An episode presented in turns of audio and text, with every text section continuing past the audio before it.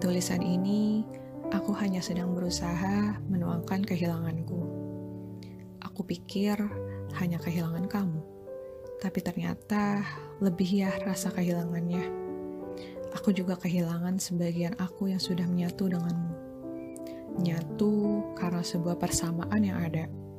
Persamaan dari perbedaan yang hadir bersama. Hilangnya kamu, ternyata aku hilang sebagian aku. Nah, akan kujabarkan ya hilangnya. Melakukan perjalanan, berkelana, mencari sesuatu yang baru, dulu bisa kulakukan denganmu. Atau sekedar minum kopi, jajan aneh-aneh, dulu juga bisa kulakukan denganmu. Hmm. Bercerita tentang hari ini, masa depan, masa lalu, atau bahkan apa yang kita pelajari hari ini, dulu bisa kulakukan denganmu.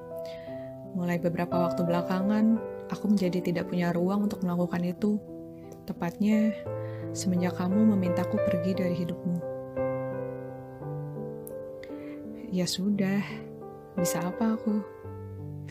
Menolak, makin diusir olehmu. Titik ini, aku menemukan kehilangan yang sejujurnya. Membuka jadwal kerja yang ternyata banyak libur Biasanya langsung terpikir membuka lembaran baru denganmu, membuat sebuah cerita entah ke mana. Hari ini aku membuat perjalananku tanpa kamu, berkelana melihat alam luas yang aku tahu kamu pasti suka. Melihat hijaunya hutan, mendengar deburan ombak, atau bahkan melihat derasnya air yang mengalir dari atas curug. Mulai bulan ini, aku mencoba mengikhlaskan perjalananku sendiri. Rasanya aku benar-benar berjalan sendiri. Padahal dulu gak apa-apa tuh jalan-jalan sendiri, melihat indahnya dunia. Semenjak persamaan yang menyatu menjadi garis linier, yang kemudian patah, jadi sulit ya. Ya, aku bisa apa?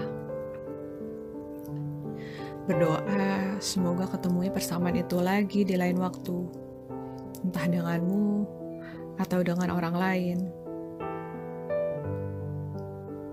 Hmm, di titik kehilangan ini, aku belajar bahwa persamaan itu tidak mutlak adanya di bumi, tapi perbedaan yang akan lebih mutlak adanya, memisahkan aku dan diriku.